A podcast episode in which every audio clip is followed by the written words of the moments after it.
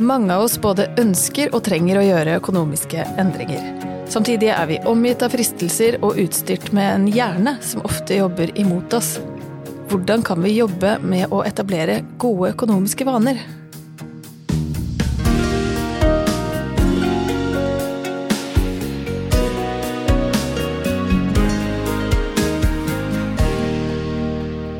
Dag skal vi snakke om hvor viktig vanene våre er for livet vårt. Det gjelder også våre økonomiske vaner, og da er vi så heldige å ha med oss vaneekspert Andreas Lykke.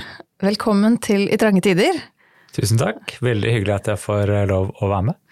Kjempeglad for å ha deg her, og du har masse spennende kunnskap eh, for alle oss som har lyst til å gjøre noen endringer. Kan ikke du presentere deg selv og bakgrunnen din litt? Det kan jeg gjøre. Jeg heter da Andreas Lykke, har spesialisert meg på dette med vaneendring. Eh, bakgrunnen for det er egentlig at jeg eh, for mange år siden begynte å jobbe i treningsbransjen. Da var jeg nyutdanna fysioterapeut, hadde tatt ernæringsutdanning i tillegg. Eh, og så trodde jeg da at hvis jeg kunne gi folk masse god informasjon om hvordan de burde trene og hva de burde spise, så ville de klare å endre vaner og, og gå ned i vekt og få et bedre liv. da. Men så opplevde jeg jo gang på gang at uh, selv om jeg ga kundene mine god informasjon, så mislyktes de fleste med å gjennomføre det, i hvert fall over lang tid. Det var da jeg egentlig skjønte at jeg trengte noe andre verktøy uh, for å kunne hjelpe flere av kundene mine å omsette all kunnskapen de også allerede hadde i praksis. Da. Uh, og da handlet det egentlig om å komme i gang med endringer, men også klare å fortsette med dem over tid for å etablere noen varig gode vaner. Mm. Så da tok på en måte interessen min en litt annen retning.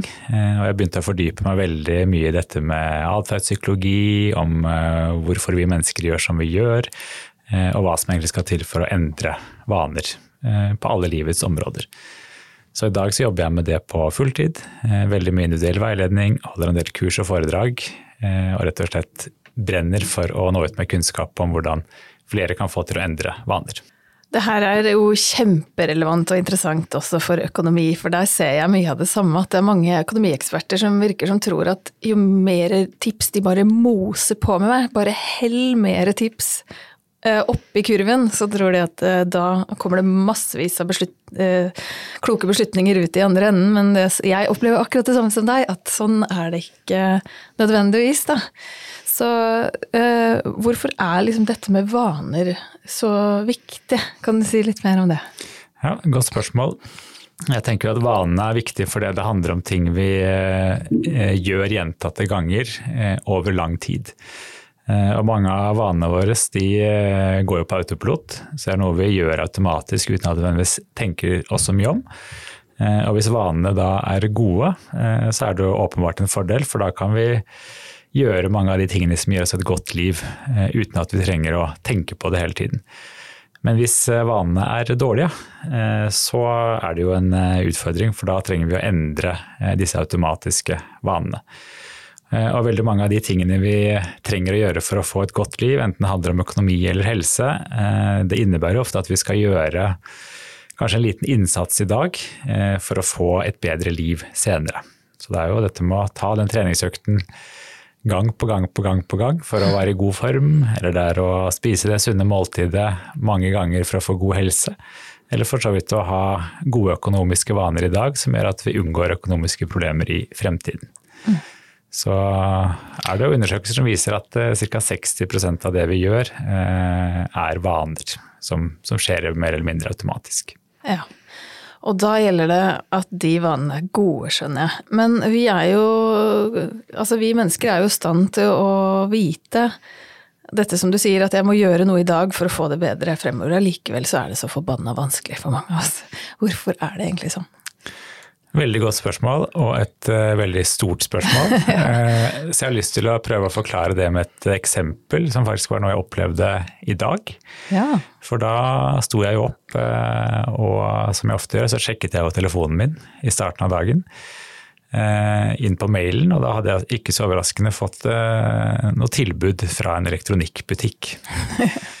Eh, da ble jeg frista til å klikke meg inn på dette unike tilbudet som flasha i emnefeltet. Eh, og så oppdaget jeg at de hadde tilbud på noen, eh, trådløse hodetelefoner.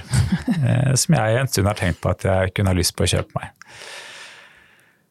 Og da var det ikke så overraskende at når det kom et godt tilbud på disse hodetelefonene, jeg tror det var satt ned 1500 kroner, og jeg allerede hadde tenkt på en stund at jeg hadde lyst på noen nye hodetelefoner, så var det veldig fristende å slå til på dette tilbudet. Mm. Og da er jo også utfordringen, tenker jeg, i den verden vi lever i nå, da, så blir vi jo eksponert for sånne tilbud og sånne fristelser hele tiden. Så jeg kunne faktisk i dag eh, klokken åtte på morgenen eh, hjemme i sofaen med telefonen min eh, kjøpt de hodetelefonene på impuls og fått det levert hjem kanskje til og med samme dag. Mm. Så dette er jo en av grunnene til at det er vanskelig å endre vaner. Det er at vi ofte møter på fristelser mm. som trekker oss mot det vi kan tenke på som dårlige vaner. Mm. Og da kan det være alt fra tilbud på et eller annet vi har litt lyst på, eh, til eh, tilbud på sjokolade i butikken, som kan få oss til å kjøpe store mengder av gangen. Eller det kan være fristelser som ligger i skapet hjemme, som vi får lyst, lyst, til å spise. Så det at vi hele tiden er omgitt av fristelser, det er jo én grunn til at det er eh, vanskelig å, å opprettholde gode vaner. Mm. En annen grunn er jo at mange av disse tingene vi kan tenke på som dårlige vaner, er jo ofte ting som føles bra her og nå. Ja. Så det å kjøpe noe vi har lyst på, og så kanskje ser vi for oss hvor bra det vil være å sitte og høre på musikk med de nye hodetelefonene, eh, det er jo en, noe som føles bra, og derfor får jeg automatisk lyst til eh, å gi etter for en sånn fristelse. Da. Og hjernen vår den er veldig opptatt av disse umiddelbare belønningene. Mm. Så det, dette med alle fristelsene og dette med, med, at dårlige vaner ofte føles bra med en gang, eh, det er i hvert fall to hovedgrunner til at uh, det kan være vanskelig å endre disse vanene. Mm. Så vi, vi, begynner i motbakke, kan vi si det sånn. Vi er utstyrt med en hjerne uh, som gjør at vi slår til her og nå uten å tenke på langtidskonsekvenser. Eller vi tenker kanskje på det, men klarer ikke å gjøre noe med det. Og i tillegg så bare bombarderes Jeg vil jo si vi er ikke bare utsatt for litt fristelser, men vi teppebombes jo. Så nå er det Black Friday, og så er det jul, og så uh, enorme krefter med masse ressurser som gjør alt de kan for å trykke på de knappene ja. vi har for å gi etter. Men hva søren kan vi gjøre for å møte dette her, da? Nei, Én ting som vi kan gjøre, det er å prøve å, uh, å si, legge til rette så vi møter på færre fristelser. Ja. Så det kunne være én en strategi som mange ofte undervurderer. Da. Eh, for det vi ofte tenker når vi skal endre vaner eller gjøre ting som vi vet er bra for oss, så kan vi fort tenke at det handler bare om å bestemme seg, eh, at jeg bare må ta meg sammen. Eh, og så tenker vi at vi kan bruke viljestyrken til å få til dette her, da. Men det å ta disse kloke, bevisste, langsiktige valgene, det, er, det krever litt mental kapasitet, og det har vi begrenset av. Så det å prøve å legge til rette sånn at du møter på færre fristelser, eh, er jo ofte en eh, veldig veldig god strategi. Mm. Eh, som gjør at vi kan, kan, gjøre det litt lettere for oss selv å navigere denne verden med mange fristelser. Så i dette eksempelet her så kunne det være at jeg f.eks. ikke sjekket mailen min med en gang jeg står opp om morgenen og blir eksponert for alle disse tilbudene. Mm. Eller kunne kanskje være at jeg gikk gjennom innimellom og ryddet litt opp i hvor mange kundeklubber eh, jeg f.eks. er med i. Da. Mm. Eh, for det er jo som du sier, det er sterke krefter der ute som har store interesser i å få oss til å kjøpe ting hele tiden. Mm. Enten det er sjokoladen i butikken eller tilbudet på elektronikk.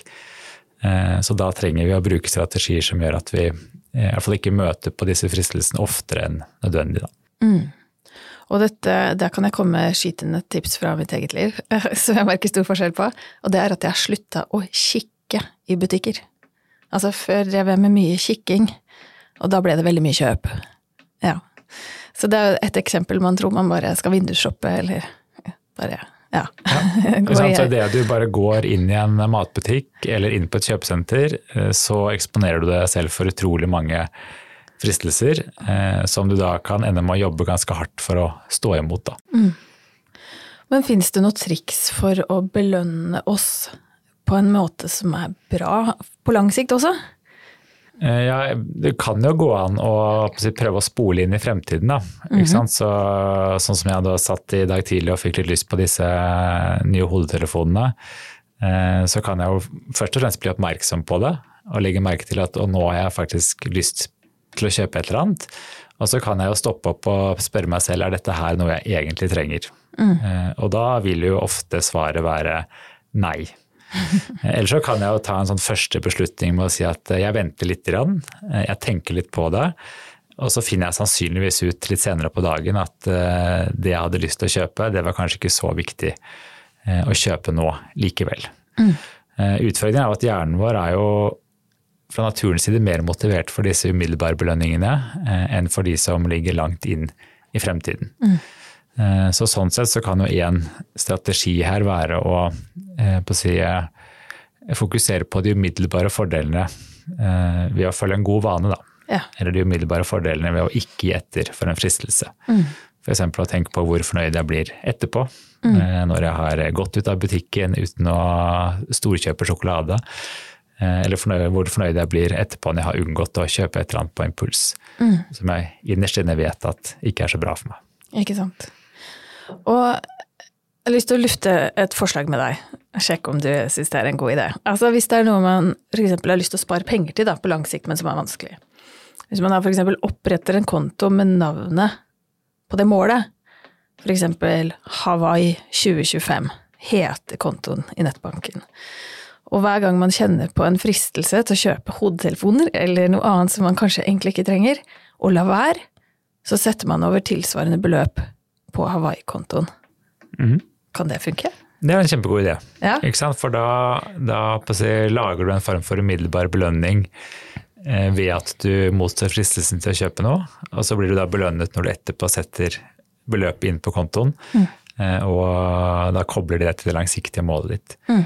Eh, for de fleste vil jo sånn rasjonelt sett si at uh, det er viktigere for meg å ha penger til den Hawaii-turen, som kanskje er en stor drøm i livet, enn det er å kjøpe det jeg har litt lyst til å kjøpe akkurat nå, som jeg mm. kanskje strengt tatt ikke trenger. Mm. Men i det øyeblikket hvor vi blir fristet, så trenger vi et eller annet vi kan si til oss selv for å ikke etter fristelsen. Da. Og det å ha et sånn konkret langsiktig mål kan jo være én ting å bringe fram i panna i den situasjonen. En annen ting apropos Hawaii 2025. Det er jo kjempedyrt. Og da kan det jo virke litt sånn uoverkommelig å komme dit. At denne da hodetelefonen, eller for den saks skyld sjokoladen, som koster 20 kroner, bringer meg uansett ikke til Hawaii. Altså, har du noen tips til hvordan vi kan se nytten av å drive med sånne små Spare småslanter her og der? Ja, det er jo litt å, å prøve å finne gleden i eh, hvert lille steg da, som tar deg eh, nærmere noe du drømmer om i fremtiden. Mm. Eh, så sånn innenfor vanepsykologien så er jo ofte det å prøve å, å tilføre en umiddelbar belønning til den lille tingen du gjør i dag som er bra for deg på sikt, er jo én mm. måte å prøve, måtte fortelle hjernen vår at dette er en attraktiv handling, også å repetere flere ganger. Mm. Eh, og da kan man jo f.eks. teste ut og Én ting er å gi seg selv eh, ros eller anerkjennelse eller et klapp på skulderen mhm. hver gang man faktisk eh, sparer det der lille beløpet, da. Eller hver gang man går gjennom kjøpesenteret uten å falle for noen fristelser. Eller hver gang man kommer seg på trening, eller hva det er man ønsker å gjøre. Mm. Og det med å gi seg selv ros og anerkjennelse for alle de små valgene underveis, det har jo på en måte en dobbel betydning. Eh, det ene er at vi skaper en belønningseffekt i hjernen eh, som lærer hjernen vår at denne handlingen er så verdifull at den er verdt å automatisere ja. til å bli en vane. Mm. Eh, det andre som kanskje er like viktig, er at vi øver på å fortelle oss selv når vi gjør noe som er bra. Og det er jo noe de fleste av oss med fordel kan trene litt på. Ja. For vi er jo ofte veldig selvkritiske. Ja. ja. Så det å rett og slett gi seg selv ros og anerkjennelse for de gode valgene man tar i dag, da, som også kan bli gode vaner på sikt, eh, det kan være én strategi. Jeg vil tro at noen nå tenker at ja, det høres jo litt teit ut. At jeg som voksen skal liksom applaudere meg selv for å ikke kjøpe den tingen til 20 kroner. Kan du si litt mer om hvorfor det er viktig?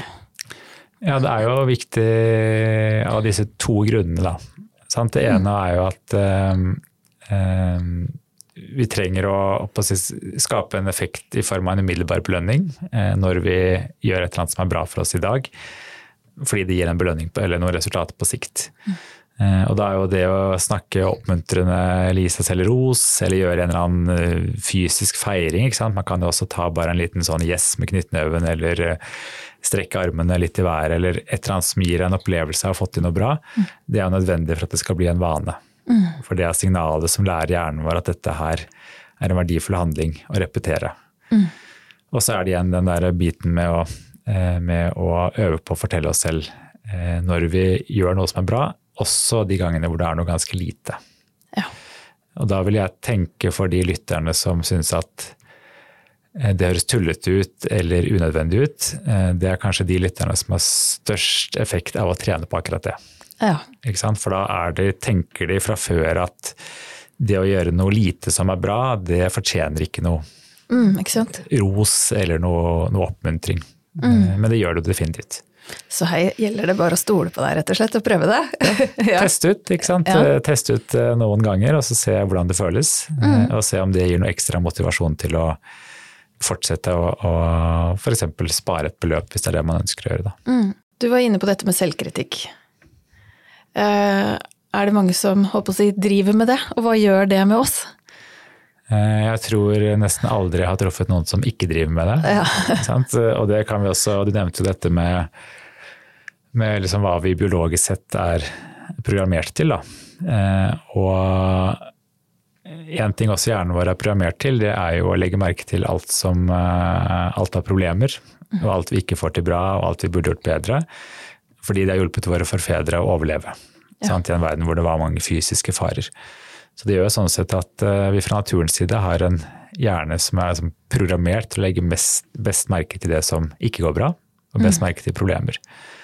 Og så har nok mange av oss uh, kanskje også gjennom livet blitt fortalt eller lært at uh, det å være litt sånn streng og selvkritisk og hard med seg selv, det er liksom måten å tvinge seg selv til å prestere mm. eh, på ulike områder. Mm.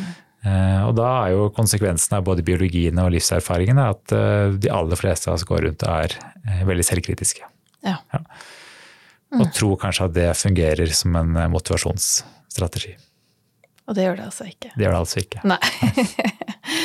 ok. Eh, det høres kjent ut, det der, altså. Og jeg, jeg, ser det veldig i forhold til de som skal endre økonomiske vaner, at det er veldig mye sånn herregud, eh, jeg er jo voksen, liksom, kan jeg ikke bare skjerpe meg? Jeg vet jo at jeg burde gjøre bedre, ærlig talt. Og mange tenker til og med at de er uansvarlige foreldre og helt udugelige, egentlig. Mye den type snakk, da. Det jeg tenker ofte da, det er jo eh, Altså jeg er veldig, veldig, opptatt av at den enkelte skal finne det som fungerer for seg selv. Sant? Og vi er litt ulike, og vi trenger kanskje litt ulike strategier. Så da vil jeg si at for de som opplever at det å kjefte på seg selv, det å være skikkelig streng med seg selv og selvkritisk Hvis man ser at vet du hva, det fungerer kjempebra, det gjør at jeg har et godt liv, det gjør at jeg er fornøyd med meg selv, det gjør at jeg når målene mine, det gjør at jeg sparer penger og kommer meg på trening og spiser sunt. Altså Hvis en kjefter på seg selv-strategien fungerer for å få et godt liv, så kan man jo fortsette med det. Men eh, min erfaring etter å ha jobbet med ganske mange mennesker, er at eh, det ikke fungerer. Ja. Eh, og det er også masse forskning som underbygger det. Da. Ja. Så la oss slutte med det, alle sammen. Eller i hvert fall prøv noe annet. Ja, øv, øv og så undersøk hva som skjer. Mm, ikke sant. Men jeg må jo spørre deg, eh, du er jo ikke bare vaneekspert, eh, men du er jo et menneske selv, vil jeg tro. Altså, hva slags forhold har du til økonomi, du? Mitt forhold til økonomi er jo jeg vil si litt anstrengt. Mm. Eh, fordi jeg eh, har en hjerne som er veldig god til å bekymre seg. Ja. Eh, og så har jeg jo drevet egen virksomhet i ganske mange år. Og en del av det er jo en sånn konstant uvisshet på hvordan inntekten blir mm. de kommende månedene. Mm. Så for meg så er det sånn at hvis ikke virksomheten min går bra, så har jeg ingen lønn og så, så, det gjør sånn sett at jeg de siste årene har brukt ganske mye tid på å bekymre meg for økonomi. Eh, men så ser jeg også at de bekymringene gjør at jeg i ganske stor grad gjør det som skal til for å unngå økonomiske problemer. Ja. Så, så, bekymringene gjør på en måte at jeg blir handlekraftig eh, ja. på å iverksette tiltak hvis jeg ser at det går litt gæren vei. Mm. Og så kan jeg også dele at når, eh, sant, nå har vi jo en periode hvor eh, økonomien er litt anstrengt eh, og utgiftene er høyere. Vi kjøpte jo ny bolig for litt over to, to år siden og bestilte ny bil. For da var det en periode hvor vi hadde ganske god økonomi og det var ikke noe problem å gjøre de investeringene. Men noen måneder etter at vi hadde kjøpt ny bolig og fått mye større boliglån, så begynte jo rentene å gå veldig mye oppover. Eh, den nye boligen bruker mye mer strøm, så strømregningen ble plutselig kjempehøy. Maten ble dyrere. Eh, så i løpet av noen måneder da, så økte jo de faste kostnadene våre med mange, mange tusen hver måned. Eh, Nå betaler vi jo dobbelt så mye renter på det huset som vi gjorde da vi kjøpte det for to og et halvt år siden. Og samtidig så ble det da litt sånn tørke i min virksomhet eh, fordi det var økonomiske nedgangstider. Sant? Og da er det jo litt færre mennesker som eh, har mulighet til å eh, bruke penger på det jeg tilbyr. Så den kombinasjonen av eh, økte faste utgifter og lavere inntekt i virksomheten, da gikk eh, liksom katastrofealarmen eh, i hjernen min eh, for fullt. da. Så, så jeg vil si at jeg har ligget eh, våken en del netter og bekymra meg for eh, økonomien. Eh, litt for hvordan den er nå, men kanskje mest for at den kan bli dårlig senere. Ja. Så det er et kjent problematikk. Veldig mange har det sånn nå. Veldig mange vil kjenne seg igjen i det du sier. Men katastrofealarm, det er jo også interessant bekymring. Da ble du handlekraftig. Katastrofe. Hva gjør det med oss i forhold til å ta tak, da? Nei, det tror jeg er litt individuelt, da. For det er eh, katastrofealarm for meg betyr egentlig da bare at eh, bekymringene blir enda sterkere. Ikke sant? Så begynner jeg å se for meg og tenke om eh, Tenk om inntekten i virksomheten min fortsetter å gå ned, tenk om det kommer enda et rentehopp. Og så begynner jeg å se for meg kanskje vi må selge huset, hvordan kommer det til å bli? ikke sant? Mm. Det, er bare Hjernen vår er ekspert på å lage sånne fremtidige katastrofescenarioer. Eh, Men for meg så er det sånn at da blir jeg så motivert for å unngå de problemene Ja. eh, at jeg gjør alt jeg kan her og nå for å redusere risikoen. Ja. Så, så for meg er på en måte de bekymringene litt nyttige, for det hjelper meg å gjøre tiltak. da. ja. Men så tror jeg også mange kan oppleve at uh, uh, man blir sånn handlingslamma. Ikke sant? Eller i hvert fall hvis du tenker at herregud, her er det ingenting, ingenting jeg kan gjøre. Ikke sant? Det går ikke uansett. Uh, da er det jo lett å resignere, da. Ja. Eh, og det er jo i så fall fullt forståelig. For hvis man ikke tenker at det er noe håp, så kan man jo samtidig tenke at det er ikke noe vits i å gjøre noe innsats heller. Nei, og det, det ser jeg dessverre at det er en del som har det sånn nå. Det er jo et forferdelig sted å være. Man må egentlig bare vente på at alt rakner. Og det viser noen undersøkelser også at mange av de som egentlig er relativt økonomisk trygge, tar masse grep i disse tider, mens mange av de som på en måte er virkelig i krise, gjør ingen endringer i livet sitt i det hele tatt. Så det er et forferdelig vondt sted å være, og jeg kan jo bare si med en gang at hvis noen hører på og har det sånn, så snakk med noen om det, for det fins jo hjelp å få, og det er jo alltid håp, vil jeg påstå, men det er klart at noen er i en ganske sånn maktesløs uh, situasjon og trenger kanskje hjelp utenfra, da. Og da tenker jeg at når, eh, i hvert fall hvis man uh, mister litt troa, så er det kjempeviktig å få litt hjelp for å kunne gjøre noen tiltak likevel, da. Mm. og For meg så fungerer det også veldig fint å prøve, det er jo ikke så lett, men prøve å på en måte skille mellom eh, de problemene som kanskje kan oppstå i fremtiden, eh, og hva jeg faktisk kan gjøre noe med her og nå. Ja. For det er jo sånn at selv om vi på en måte gjør ting for å redusere kostnadene, eh, så kan det hende det går dårlig senere likevel. Ikke sant? Hvis, eh, hvis renta stiger enda mer, og hvis det er mange ting vi ikke har kontroll over her. Men det å prøve å fokusere på ok, det jeg faktisk kan gjøre noe med selv, det er å prøve å spare litt penger her og nå. Og så kan jeg i hvert fall vite da i fremtiden at jeg gjorde det jeg kunne, uansett hvordan den fremtiden ser ut. Nettopp. Og da gjelder det kanskje å dele den eh, gjøre her og nå-lista litt opp, da, fordi jeg opplever at man kan bli litt overvelda. Altså ikke forvente av seg selv at man på en og samme dag skal sjekke alle lånforsikringer, eh, endre matvaner eh, fra en dag til den neste og, og dra gjennom hele lista. Der har du kanskje noe innspill Har du noe innspill der? Hvis Ja. man, måtte, ja. Ikke sant? Og der er vi på- inn på dette med at vi får så utrolig mange råd. Da. Sant? Så kan vi klikke oss inn på en avis, og så er det en økonomiekspert som sier at gjør alle disse tingene nå. Eh, Og så er det en sånn liste med tiltak som er så store at vi bare ender med å utsette hele greia, fordi Ja. det blir for stort. Ja.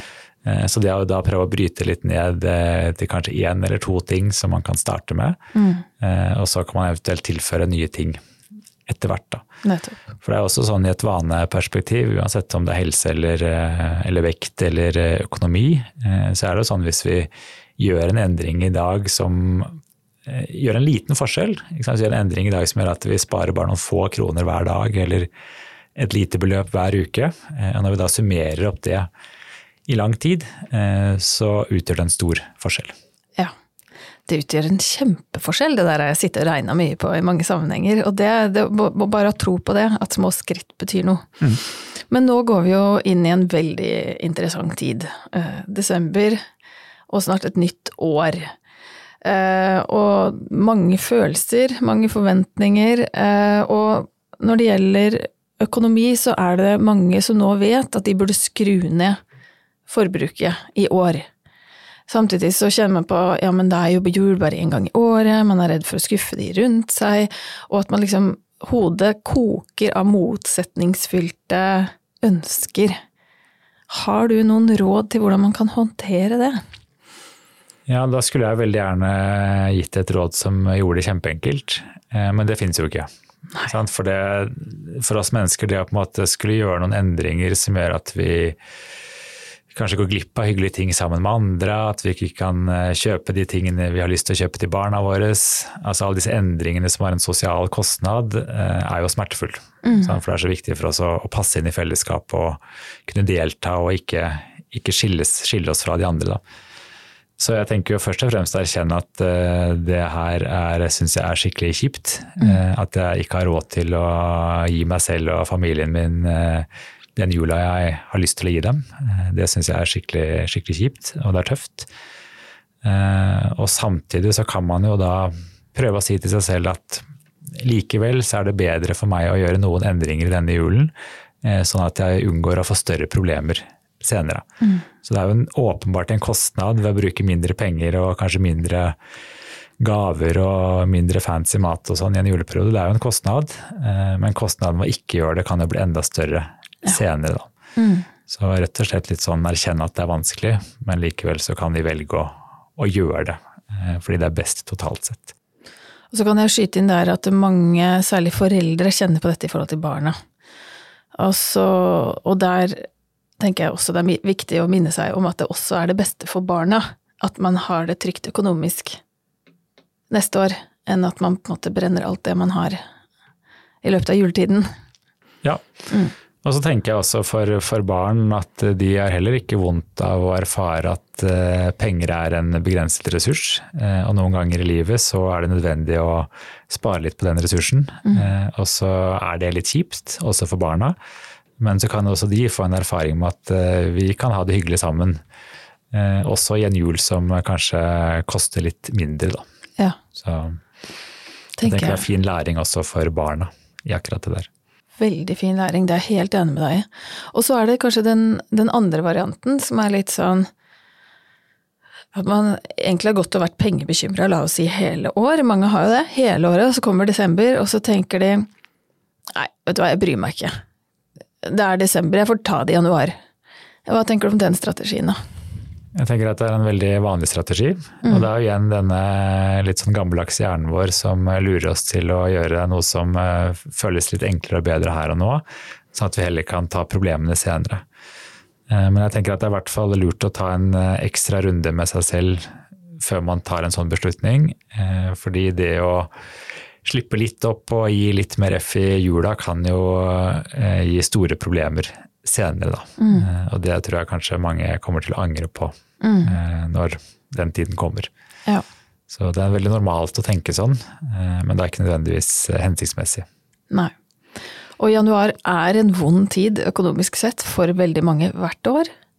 Denne januar er jeg redd det blir enda flere enn før som starter året skikkelig på minus, rent sånn bokstavelig og mentalt, for dette følger jo hverandre. Men vi vet også at det er veldig mange som hvert år har økonomiske nyttårsforsetter. Kan du gi noen tips til hvordan vi kan få dem til å sitte denne gangen? Og det er et stort spørsmål. ja, og vi har jo allerede vært inne på en del av det, men ja. Uh, nei, det er jo to tips jeg egentlig kan gi deg. Det ene er jo å starte med noe som er lite nok. Uh, selv om man kan føle seg veldig motivert i starten av januar. Da er man sånn nå er jeg supermotivert, da kan jeg virkelig gjøre store endringer. Uh, men det er veldig sjelden at de store endringene varer i særlig lang tid. Mm. Så hvis man ønsker å gjøre mange endringer, skriv alle ned på en liste, og så velg én eller to eller tre som du starter med først. Ja. Da er sjansen lenger for at du klarer å fortsette med det i, i mer enn to uker. Mm. Eh, og så vil jeg si at de aller fleste eh, med fordel kan få på plass et system eller en rutine som hjelper dem å, holde fokus på de gode vanene over lengre tid. Ja. Eh, og det kan f.eks. være noe sånt som å ta en liten oppsummering med seg selv hver uke. På en måte Se litt på hvordan har det gått med de vanene jeg jobber med den siste uka, eh, og hva er det jeg ønsker å jobbe videre med i uka som kommer. Mm. Så nærmest som å ha en sånn ukentlig liten check-in med seg selv, eller hvis man har mulighet til å ha det med en annen. Mm. Involvere partneren i det, eller en venninne, eller en fagperson. Så man får litt hjelp til å jobbe med disse gode vanene over tid. Mm. For det er veldig vanlig dette her at vi føler oss motivert i januar, og så kjører vi på med masse endringer. Eh, og når det har gått to-tre uker, så er vi tilbake i de gamle mønstrene. Og da kjører vi på med selvpisk igjen, gjerne? Da er det selvpisk mm. fram til vi føler oss motivert til en uh, ny runde med skippertak. Ja. Og sånn går vi mellom alt og ingenting gjentatte ganger, da. Ikke sant. Jeg tipper det er mange som kjenner seg igjen i dette. Men nå er vi litt bedre rusta, tror jeg. Både for jula og nyttår. Helt til slutt, Andreas, har du noen nyttårsforsetter selv? Nei, jeg har egentlig ikke noen nyttårsforsetter. Jeg har nok litt mer sånn uh, ukesforsetter. Ja. For jeg gjør, jobber jo på en måte med dette her kontinuerlig og liksom evaluere og justere vanene mine. Så det er ikke noe jeg starter med fordi det er en bestemt dato, men det er noe jeg holder på med hele tiden. Ja. Har du noe tanke om økonomiske endringer da, som du selv har lyst til å gjøre, eller titte, titte på? Eh, på økonomiske siden så er det viktigste for meg å fortsette med den eh, beste økonomiske vanen som jeg har. Eh, og det er at jeg fører regnskap. Ja. Helt konsekvent. Det må jeg gjøre på virksomheten min. Det er en av fordelene og ulempene med å drive for seg selv. Men jeg gjør det også på privatøkonomien, og det har jeg gjort i flere år. I Excel? Eller typ? Ja, i en app nå, da. Ja. ja. Eh, men det gjør at jeg hele tiden har oversikt over eh, hvor mye penger som kommer inn og hvor mye penger som går ut. Mm. Eh, og sånn sett kan gjøre justeringer når det er nødvendig. Mm. Og så gjør det også at jeg veldig raskt oppdager effekten av andre økonomiske grep jeg har gjort. Da. Så jeg så f.eks. i siste året så har jo familien min brukt mindre penger på mat, eh, selv om eh, prisene har gått opp. Eh, og det er ganske kult å se de tallene i økonomiappen jeg bruker. For da ser jeg også at de tiltakene jeg har gjort, med litt andre handlevaner og litt andre produkter og litt kjøpeting på tilbud og sånn, at det faktisk gir en målbar effekt. da. Og i løpet av et år, på et matbudsjett for to voksne og to barn, så er det mange tusen kroner. Så det å se regnskap, det hjelper meg veldig. Utrolig kult at du deler akkurat det, fordi det er jo det som jeg tenker at de fleste har mest å hente på, er å kikke seg sjøl i korta når det gjelder mat og drikke. Det er der de fleste av oss eh, bruker mye penger som vi kunne ha spart. Og det å holde et øye hele tiden gjør jo at vi, vi vet hva som foregår i egen økonomi. Så det var, det var gøy at du delte. Tusen takk. det er hyggelig. Takk for at du kom, eh, Andreas. Dette var sesongens siste episode av I trange tider. Tusen takk for at du har hørt på. Og hvis du ikke har fått med deg alle episodene, så gå tilbake i katalogen, for det er mange spennende temaer vi har vært innom. Så ønsker jeg både deg og lytterne en god jul og lykke til med eventuelle nyttårsforsetter. Og så håper jeg du vil dele denne episoden med andre som kan ha nytte av noe input til hvordan vi kan gjennomføre vaner vi ønsker oss.